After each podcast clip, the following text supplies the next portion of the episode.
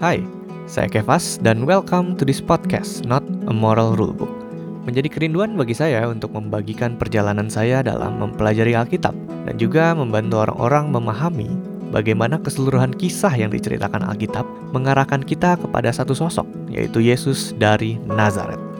Podcast ini adalah sebuah ruang atau upaya untuk mengeksplorasi Alkitab yang lebih dari sekedar peraturan moral.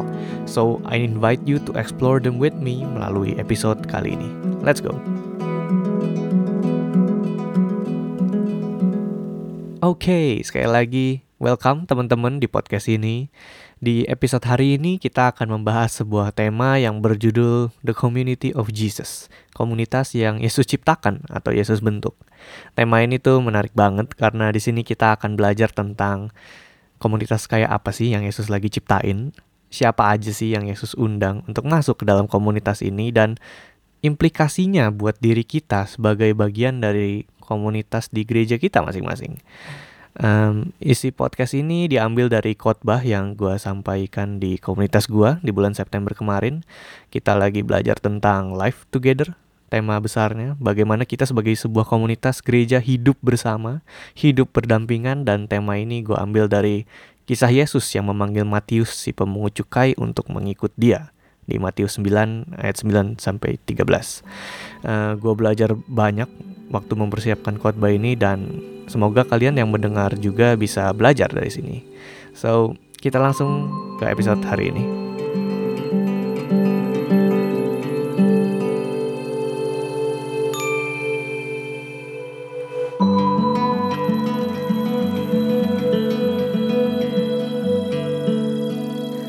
Oke, okay. Uh, hari ini tema kita berjudul The Community of Jesus.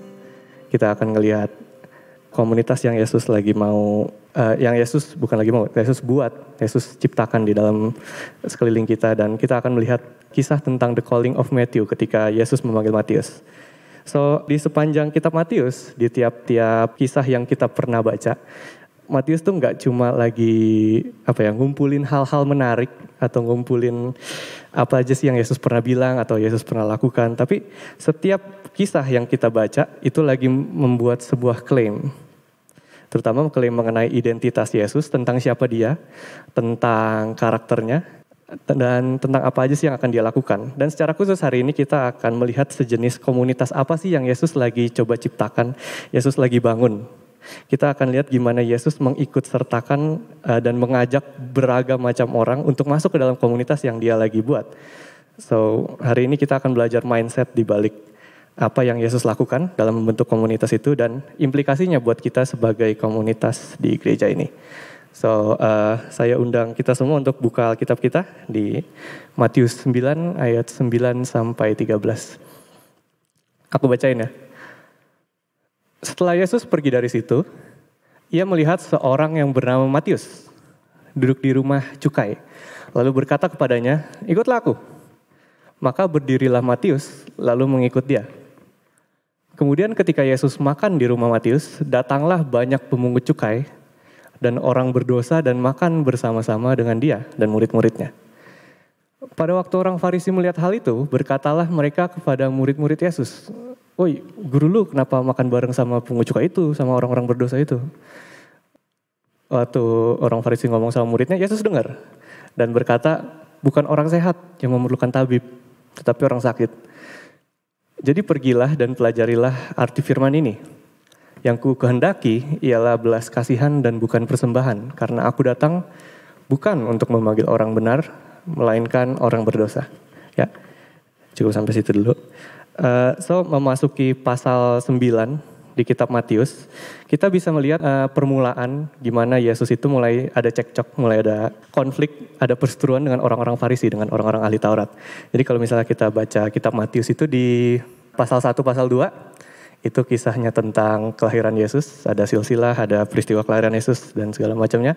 Pasal 2 eh pasal 3 itu kita masuk ke pembaptisan Yesus. Pasal 4 kita mulai uh, baca tentang Yesus dicobai di padang gurun dan awal mulai perjalanan pelayanannya.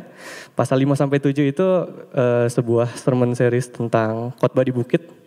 pasal ke-8 itu mulai Yesus akhirnya mulai menunjukkan keilahiannya ya menyembuhkan orang sakit dia ya usir roh jahat dan mulai pasal ke-9 ini kita ya itu mulai lihat bagaimana sih awalnya perseteruan antara Yesus dengan orang-orang Farisi dengan orang-orang ahli Taurat. Dan kalau kita misalnya lihat di ayat di atasnya di perikop atasnya, perikop sebelum kisah ini di ayat 1 sampai 8 di situ Yesus ngebuat beberapa orang Farisi atau ahli-ahli Taurat marah karena Yesus mengampuni dosa seorang lumpuh. Ingat gak ceritanya? Yang uh, ada orang lumpuh dibawa sama temennya, waktu disembuhin, uh, orang lumpuhnya diharapkan disembuhin, tapi yang Yesus bilang malah, uh, eh, gue ampunin dosa lu gitu. Dan hal ini tuh ngebuat orang-orang Farisi dan orang-orang ahli Taurat itu marah. Karena yang mengam, yang bisa mengampuni dosa itu cuma Allah.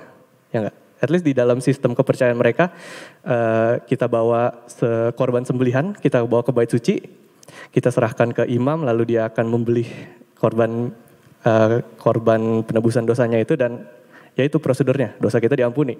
Tapi di sini yang ditemuin adalah Yesus mengampuni orang berdosa yang itu cukup skandal lah, cukup bisa dibilang kalau orang orang Yahudi ngelihatnya ini penistaan gitu kan. Dengan Yesus mengampuni dosa seseorang, dia sama aja kayak lagi mengklaim dirinya sebagai Allah dan itu ngebuat orang-orang jengkel. Nah, uh, setelah kisah itu masuk ke perikop yang kita baca ini tentang pemanggilan Matius di ayat 9 sampai 13. Di ayat ini di kisah ini kita juga melihat mungkin sedikit konflik antara Yesus dengan orang uh, dengan orang Farisi ini karena Yesus pergi keliling ngajak orang-orang untuk ikut dia dan pemimpin-pemimpin agama Yahudi itu pada nggak nyaman dengan uh, ngelihat itu gitu. Karena orang-orang yang diajak oleh Yesus adalah orang-orang yang bisa dipertanyakan dari perspektif mereka. Ya ada pengucukai ada pelacur-pelacur ada orang-orang berdosa ada orang-orang yang tersingkirkan ada orang-orang yang dijauhkan dari masyarakat. Tapi justru Yesus malah ngundangnya orang-orang kayak mereka. Nah di, di, di kisah sebelumnya mereka itu tersinggung tentang apa yang Yesus klaim tentang dirinya tapi sekarang mereka tersinggung juga dengan komunitas yang Yesus lagi bangun. Karena Yesus bilang sendiri kan dia lagi menghadirkan kerajaan Allah di bumi ini, tapi kok ngajaknya orang-orang kayak mereka, kayak Matius gitu, kayak pengunjuk cukai.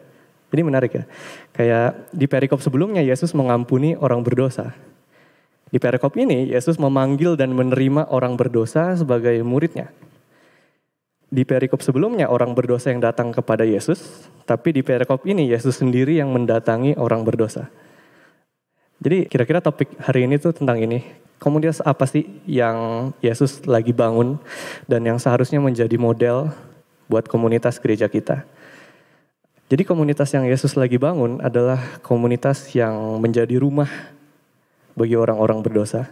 Uh, ada ungkapan, the church is not a museum, for pristine saints, but a hospital word for the broken sinners. Ini udah umum kita sering baca lah ya, kita sering mendengar ini. Gereja bukanlah sebuah museum untuk orang-orang suci, melainkan sebuah rumah sakit untuk pendosa yang hancur. Uh, ini quote dari salah satu teolog yang saya kagumi, Tim Keller. Di kisah ini kita dapat melihat bagaimana Matius uh, bagaimana Yesus mengajak Matius, seseorang pengungut cukai dan bahkan kalau kita tadi kita baca, Yesus tuh mau duduk dan mau makan bareng dengan Matius di rumahnya. Yang notabene pada zaman itu untuk kita duduk makan bareng sama seseorang, untuk kita duduk makan ke rumah seseorang, itu artinya dia merelakan dirinya untuk diasosiasikan dengan Matius. Kayak Yesus tuh nggak peduli kalau orang lihat, eh kok lu makan sama Matius? Ya buat Yesus itu santai aja. Itu sesuatu yang ya udah emang kenapa? Tapi sebelum kita ke situ, kita perlu gali dulu tentang siapa Matius si pemungut cukai ini karena karakter Matius ini menjadi pesan yang signifikan sebenarnya buat kita semua hari ini. Oke. Okay? Jadi uh, konteksnya dulu, waktu di zamannya Yesus, bangsa Yahudi itu lagi dijajah sama bangsa, ada yang tahu? Sama bangsa Roma. Kalau ada yang pernah dengar, mungkin bayangin aja kayak Indonesia yang dijajah sama Belanda kali ya, zaman dulu. Kita tahu betapa menderitanya orang Indonesia, bagaimana pemerintahan Belanda itu mengopres uh, masyarakat Indonesia pada saat itu. Uh, orang-orang mungkin uh, jadi kesusahan hidupnya dan ya kira-kira kayak gitulah kehidupan orang Yahudi pada zaman itu itu dijajah oleh Roma yang punya kekuatan yang sangat menekan. Dan salah satu cara Roma untuk menekan atau mengempengi kayak ngasih dot gitu ke bangsa yang mereka jajah adalah biasanya ini dengan memilih seorang raja boneka yang memerintah di atas mereka. Jadi rasanya tuh kayak oh gue tetap masih dipimpin nih oleh bangsa gue sendiri. Kalau kita lihat di Alkitab itu ada contohnya kayak Raja Herodes yang mau membunuh baby Jesus, mau bunuh bayi Yesus di Matius 2. Ya orang-orang kayak gitu. Tapi uh, itu triknya dari bangsa Roma. Itu adalah cara untuk supaya diempengin lah, supaya diem gitu uh, orang-orang Yahudinya. Kenyataannya pemimpinnya tetap bangsa Roma, kaisar di Roma. Raja Herodes cuma raja boneka doang. Uh, dan nggak cuma itu, mereka itu juga merekrut orang-orang kayak tentara tentara bayaran, orang-orang Yahudi. Dan salah satu yang direkrut juga adalah pemungut cukai. Orang yang suka memungut pajak itu salah satu bagian dari rencana mereka. Jadi kayak Roma dan orang-orang yang orang-orang Yahudi yang ditawarkan untuk menjadi pemungut cukai itu semacam kong kali kong lah. Pemungut cukai itu uh, jadi let's say uh, gue orang Yahudi, gue pendapatan per bulan itu seribu koin, seribu perak lah, anggap aja. Uh, uh, gue sebagai Roma gue ambil pajak 40% dari hasil semua penghasilan lu, lu simpen 60% boleh.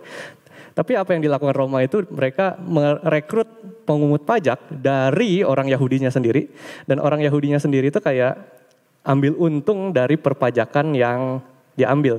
Kayak misalnya dari 1000 perak tadi 40% buat Roma, 20% diambil lagi sama pemungut pajaknya, 40 persennya baru buat dia.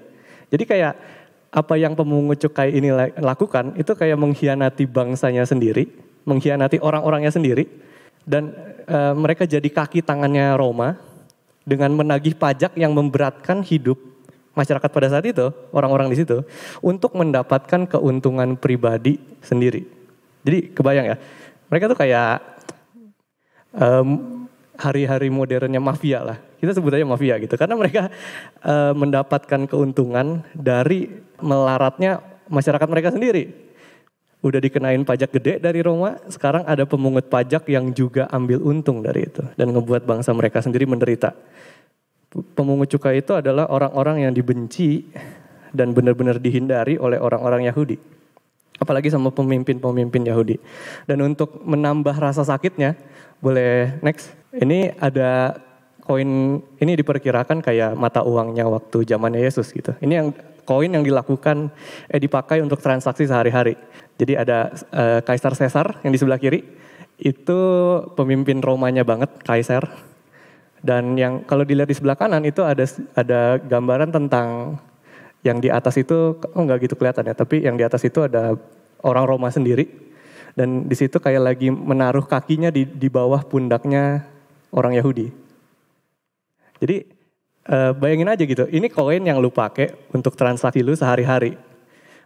Uh, apa ya nggak nggak kebayang gitu maksudnya jadi orang Yahudi sendiri. Udah penghasilan gue hilang bangsa gue sendiri ada yang jadi kaki tangannya Roma dan mengrauk sebagian dari uang gue dan ini koin yang gue lihat tiap hari dalam kehidupan sehari gue jadi Matius ini bukan cuma sekedar orang yang ah gue nggak suka sama dia dia orangnya gini orangnya gitu enggak bukan Matius itu orang yang benar-benar dibenci dan orang-orang orang yang benar-benar dijauhin oleh orang-orang Yahudi lainnya dan para pemimpinnya. Makanya aksi Yesus dalam mengundang Matius si pemungut cukai ini, ini benar-benar mengagetkan. At least kalau kalau kalau lu orang Yahudi dan membaca kisah ini, ini kayak menimbulkan pertanyaan justru buat Yesus. Yesus lu ngapain undang orang kayak dia gitu. Dia kan kacungnya Roma. Dan makanya ini cerita ini tuh sangat mengagetkan bagaimana Yesus mendekatkan dirinya kepada Matius dan mengajak dia untuk mengikut dia. Jesus is inviting people gracefully towards him. Yesus dengan kasih karunia-Nya, dengan anugerahnya, mengajak orang-orang yang di mata masyarakat pada umumnya nggak layak untuk datang kepada dia dan mengikut dia. Maksudnya keren banget gak sih? Ini loh komunitas yang Yesus lagi ciptakan di sini. Komunitas yang dia lagi bangun, dia lagi bentuk. Bukan komunitas yang penuh dengan orang-orang suci, tapi justru Yesus mengundang siapa pun untuk masuk ke dalam komunitas ini. Termasuk mereka yang terlihat nggak layak. di mata-mata orang di mata orang-orang Yahudi pada saat itu. Jadi kayak lagu yang kita nyanyiin tadi gitu kan, besar anugerahnya. Dan gak berhenti di situ. Matius yang tadinya adalah seorang pemungut cukai yang sangat dijauhi oleh masyarakat, pada akhirnya juga menjadi salah satu murid terdekatnya Yesus. Kalau kalian tahu, Matius itu adalah salah satu dari 12 murid yang Yesus pilih sebagai murid-murid terdekatnya. Kalau kita uh, lihat di slide, ini ada, tadi kita baca Matius 9, di Matius 10 itu ada list nama, yaitu 12 muridnya Yesus. Jadi ya Matius 10 ayat 2. Inilah nama ke-12 rasul itu. Jadi disebutin 12-12-nya. Dan Matius termasuk salah satunya. Dan yang uniknya, boleh lihat slide, di antara di antara 12 nama ini uh, ada tiga nama yang diberikan detail lebih oleh Matius sendiri yang nulis kitab ini. Tiga namanya itu ada uh, ini makanya gue highlight warna kuning biar kita semua kelihatan. Kalau dibaca dari awal ini nama ke-12 rasul. Pertama Simon, Petrus, Andreas saudaranya, Yakobus, anak Zebedeus, Yohanes saudaranya, Filipus, Bartolomeus, Thomas, dan Matius diberikan detail lebih. Pemungut cukai, Yakobus anak Alfeus, ada Tadeus, ada Simon, orang zealot. Dan yang terakhir ada Yudas Iskariot yang mengkhianati dia. Jadi ada tiga orang yang dengan sengaja dikasih uh, detail lebih. Dan ini bukan hanya sekedar list nama. Ya kayaknya gue gue paham deh kalau kita lagi baca Alkitab, terutama ngelihat selis nama panjang nama yang panjang kayak silsilah gitu kan itu agak boring. Tapi sebenarnya ada sesuatu di sini. Jadi untuk yang Yudas Iskariot itu untuk lain hari kita hanya fokus, akan fokus di Matius dan orang Zelot dulu. Ada yang tahu nggak orang Zelot itu apa? Dan kenapa sampai perlu ditulis di sini kalau Simon itu orang Zelot? Apa signifikansinya? Kalau kita pakai bahasa modern hari-hari ini orang Zelot itu semacam kelompok yang fanatis agama kali ya, orang-orang radikal. Kalau biasa kita kan eh, saat-saat ini suka temuin radikalisme, ya kira-kira kayak begitu. Tapi zelot, zelot itu bukan kayak nama suku ya, tapi itu nama kelompok. Zelot itu bukan cuma orang-orang yang fanatis agama. Orang-orang zelot itu adalah sekelompok orang-orang radikal, orang-orang fanatis agama, orang Yahudi juga, yang siap menumpahkan darah bangsa Roma untuk membuat bangsa Yahudi bebas dari jajahan Roma. Ya, kayak tadi konteksnya bangsa Yahudi lagi dijajah Roma, jadi ada sekelompok orang yang memutuskan untuk, oh kita bikin kelompok sendiri aja, kita adalah pahlawan kemerdekaan gitu. Tapi bedanya, bedanya dengan uh, pahlawan kemerdekaan bangsa Indonesia, pahlawan kemerdekaan ini uh, orang Yahudi ini sekelompok orang yang benci banget dengan Roma dan akan melakukan apa pun termasuk ngebunuh untuk membebaskan orang Yahudi dari jajahan Roma. Itu bedanya. Dia akan melakukan segala cara untuk mendapatkan kebebasan itu termasuk menumpahkan darah orang Roma. Nah, bayangin aja. Jadi ada dan dan gue rasa Yesus lakuin ini dengan sengaja. Yesus dengan in, punya intensi untuk melakukan ini. Menurut kalian, dari antara 12 muridnya Yesus, murid mana yang bakal susah untuk akur dengan murid lainnya? ya, ya Matius dan Simon gitu kan. Di satu sisi ada seorang Yahudi yang mengkhianati bangsanya sendiri. Jadi kaki tangannya Roma, bahkan memeras bangsanya sendiri untuk mendapat keuntungan pribadi. Itu Matius. Di satu sisi ada seorang zelot yang benci banget dengan Roma dan siap ngebunuh orang Roma atau siapa pun yang mengasosiasikan dirinya dengan Roma. Maksudnya bayangin aja seberapa bisa menjadi seberantakan apa ini kelompok gitu kan. Tapi inilah kenyataan dari komunitas yang Yesus lagi ciptakan. Di dalam setiap kelompok komunitas, sekalipun itu komunitas gereja, mungkin akan ada aja orang-orang yang lu gak suka. Orang-orang yang lu gak tahan lah berada di deket-deketnya orang. Dan be honest aja, jujur aja. Terus pertanyaannya, what would you do? Apa yang akan lu lakukan? Do you condemn him or her? Lu kutukin gak tuh orang? Atau lu lakukan apa yang Yesus lakukan kepada Matius? Yang dengan kasih karunia-Nya mengundang Matius untuk semakin dekat dengan dia. Gue gak tahu juga sih sebenarnya apa yang ada di pikiran Simon waktu Yesus undang Matius menjadi salah satu muridnya. Bisa aja dia bilang, guru buat apa lu undang orang kayak dia gitu. Dan dan lihat aja deh kalau kalau kita perhatiin ceritanya. Waktu Yesus makan di rumah Matius, bukan cuma Matiusnya doang, tapi juga teman-teman pemungut cukai lainnya itu ikut makan bareng sama Yesus. Nah bayangin aja kalau jadi Simon si orang zealot ini lagi nggak nyaman kali ini kacung-kacung Roma kenapa banyak banget gitu. Tapi eh, nggak eh, tahu kita nggak tahu respon Simon gimana karena nggak dicatat. Tapi walaupun kita nggak tahu respon Simon, kita tahu respon siapa yang dicatat di sini. Yaitu respon-responnya orang Farisi. Ya? Dan apa yang mereka bilang? Mereka bilang waktu ngelihat uh, Yesus makan bareng-bareng sama Matius sama pemungut cukai lainnya, Oi, kenapa sih guru lu makan bareng sama orang-orang kayak gitu? Itu katanya. Tapi kemudian Yesus dengar terus kayak, oh lu ngomong sama murid gue, lu juga ngomong sama gue. Yesus bilang, bukan orang sehat yang memerlukan tabib, tetapi orang sakit. Yang kuhendaki ialah belas kasihan dan bukan persembahan. Karena aku datang bukan untuk memanggil orang benar, melainkan orang berdosa.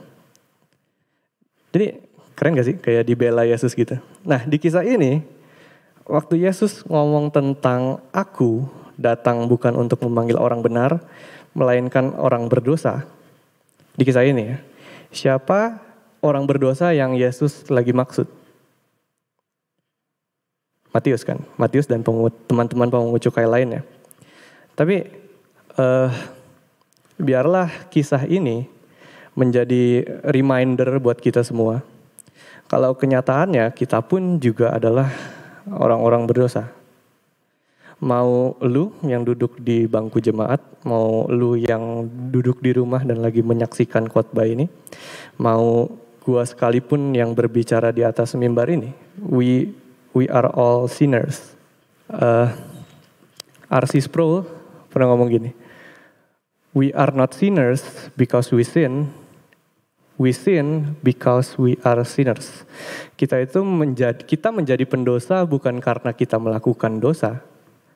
Justru kita melakukan dosa karena kita adalah pendosa. Jadi kita ini kenyataannya mau nggak mau kita harus melihat kenyataannya ini.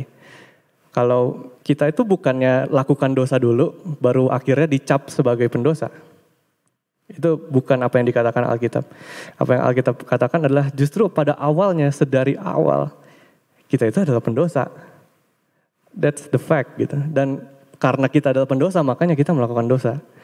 Roma 3 ayat 23 bilang, karena semua orang telah melaku, telah berbuat dosa dan telah kehilangan kemuliaan Allah. Dan ini dikatakan semua. Nggak ada setiap, nggak ada dari kita yang luput dari dosa. Dan itu faktanya. Kita nggak bisa deny kenyataan, kita nggak bisa tolak kenyataan kalau kita juga adalah orang-orang berdosa itu. Itu kenyataannya. Dan minggu lalu, kalau ada yang ikut datang minggu lalu, Kareza, Kareza sempat mention tentang 2 Timotius 3 ayat 1 sampai 9. Kalau katanya di akhir zaman nanti bakal ada masa yang sulit. Manusia akan mencintai dirinya sendiri, bakal banyak orang menyombongkan dirinya, membual, banyak orang jadi fitnah, mereka akan memberontak terhadap orang tua, nggak tahu terima kasih, nggak peduli agama, nggak tahu mengasihi, nggak mau berdamai, suka menjelekan orang, tidak dapat mengekang diri, garang, tidak suka yang baik, suka mengkhianat, tidak berpikir panjang, berlaga tahu, lebih menuruti hawa nafsu daripada menuruti Allah. Mereka menjalankan ibadah mereka tapi memungkiri kekuatannya. Dan biasanya, biasanya waktu kita baca ayat ini, orang-orang yang muncul di pikiran kita adalah orang-orang yang mungkin nggak kenal Tuhan gitu. Atau bahkan menolak Tuhan. Orang-orang yang mungkin bukan Kristen gitu lah. Padahal kenyataannya bukankah kita juga melakukan ini semua? Kalau kita mau jujur ya at least. Ini bahkan sebuah perilaku yang mungkin kita lakukan baru aja kemarin gitu. Kalau kita mau jujur we do this too. Kita ngelakuin ini juga kalau kita mau jujur dan konsekuensi dari keberdosaan kita dari apa yang kita perbuat Konsekuensinya adalah penghakiman, hukuman kekal, kematian. Karena upah dosa adalah maut. Karena Allah kita adalah Allah yang adil, Allah yang tidak akan meluputkan segala kejahatan, dia akan mengadili dengan adil. Kenyataannya seharusnya apa yang kita terima adalah hukuman kekal, penghakiman. Tapi dan inilah kenapa inilah kenapa Injil itu indah banget. The gospel is very beautiful. Roma 3 ayat 23 tadi itu punya lanjutan, nggak nggak cuma selesai sampai di situ. Walaupun semua orang telah berbuat dosa dan telah kehilangan kemuliaan Allah, tetapi oleh kasih karunia kita semua telah dibenarkan dengan cuma-cuma karena penebusan di dalam Kristus Yesus. Dan ada quotes juga dari Tim Keller yang saya sangat sukai. The gospel is this. We are more sinful and flawed in ourselves than we ever dared believe. Yet at the very same time, we are more loved and accepted in Jesus Christ than we ever dared hope. Injil adalah ini. Kenyataannya adalah kita itu lebih berdosa dan lebih bersalah dari apa yang kita kira. Kita pikir kita mungkin cuma minus 5, padahal kenyataannya kita minus 100 dan semua orang seperti itu. Kita semua sama jahatnya, kita semua tidak lebih baik dari mungkin orang-orang yang ada di penjara, kita semua tidak lebih baik dari eh, orang-orang uh, yang mungkin kita lihat, oh ini orang lebih buruk dari gua. Enggak, kita semua sama berdosanya, kita semua sama, enggak lebih baik. Kita itu kadang kita berpikir kita udah cukup baik, padahal kenyataannya enggak juga. Kita itu lebih berdosa dan lebih bersalah dari apa yang kita kira. Namun di saat yang bersamaan, at the very same time, kita dikasihi dan diterima di dalam Yesus Kristus lebih dari apa yang kita harapkan. Dan dan itu kabar baiknya gitu. Yesus yang menghampiri Matius adalah Yesus yang sama yang menghampiri setiap dari kita. Sama seperti Yesus menghampiri Matius. Ia menghampiri kita ketika kita masih ada di dalam keberdosaan kita. Dan menurut kasih karunia, menurut His grace and mercy, Yesus mati di kayu salib untuk menanggung segala konsekuensi hukuman yang seharusnya tadinya kita terima. Tapi itu semua ditaruhkan kepada Yesus, ditanggung oleh Yesus di kayu salib. Dan untuk apa semuanya itu? Supaya kita semua dapat menjadi bagian dari keluarga Allah, the family of God. Menjadi bagian di dalam kelompok manusia baru yang Yesus lagi ciptakan. Dan itu that's the good news, itu kabar baik banget buat kita. So, kita sebagai komunitas, we as a community, kita adalah komunitas yang bisa terbentuk karena kasih karunia Tuhan. Dan tetap bisa ada sampai hari ini juga karena kita semua dilingkupi di dalam kasih karunia-Nya Tuhan. Setiap dari kita mungkin gak sempurna. Dalam hidup bersama, mungkin ada saat-saat di mana kita punya konflik atau bahkan bahkan timbul rasa benci terhadap seseorang di dalam komunitas ini. Kita tahu lah bagaimana kita punya masa-masanya kita saling gak suka, kita saling berantem. Karena balik lagi, kenyataannya the community of Jesus itu penuh dengan broken and sinful people. We are filled with broken and sinful people. Tapi justru tempat ini adalah tempat yang tepat untuk kita mencerminkan kasih Allah yang masing-masing kita udah terima kepada sesama kita.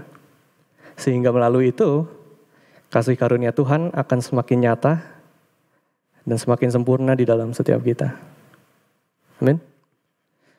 Dan anyway, karena hari ini adalah minggu pertama di bulan September, artinya kita akan merayakan perjamuan kudus ya untuk mengingat kembali apa yang Yesus lakukan di salib untuk kita.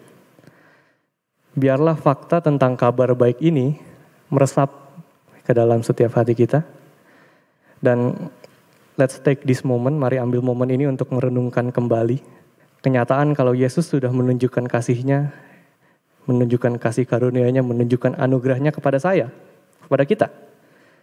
Maka bukankah kita sebagai pengikut Yesus, sebagai followers of Jesus, juga seharusnya mencerminkan kasih karunia itu kepada orang-orang di sekitar kita? Amin. Mari kita doa. Uh, Tuhan, we are grateful. Kita sangat berterima kasih kami memiliki Allah yang seperti Engkau. Uh, kita nggak bisa mendinai, kita nggak bisa melepaskan fakta kalau setiap dari kita adalah manusia berdosa dan nggak ada satupun dari kami yang layak untuk engkau sebenarnya memberikan kasih karuniamu itu. Tapi kenyataannya juga engkau berkata lain engkau kenyataannya kita tidak layak, tapi engkau melihat kami sebagai sesuatu yang indah. Dan bahkan engkau rela datang ke dunia, menanggung segala hukuman yang seharusnya kami terima. Dan engkau tanggung sendiri di dalam Yesus, di atas kayu salib itu. Dan we are very grateful, we are thankful atas kenyataan itu.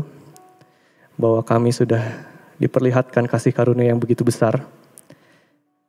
Dan biarlah kenyataan ini bisa kami refleksikan setiap hari, kita renungkan setiap hari. Kenyataan bahwa kami nggak layak, tapi kami dilayakkan dan dibenarkan oleh kasih karuniamu.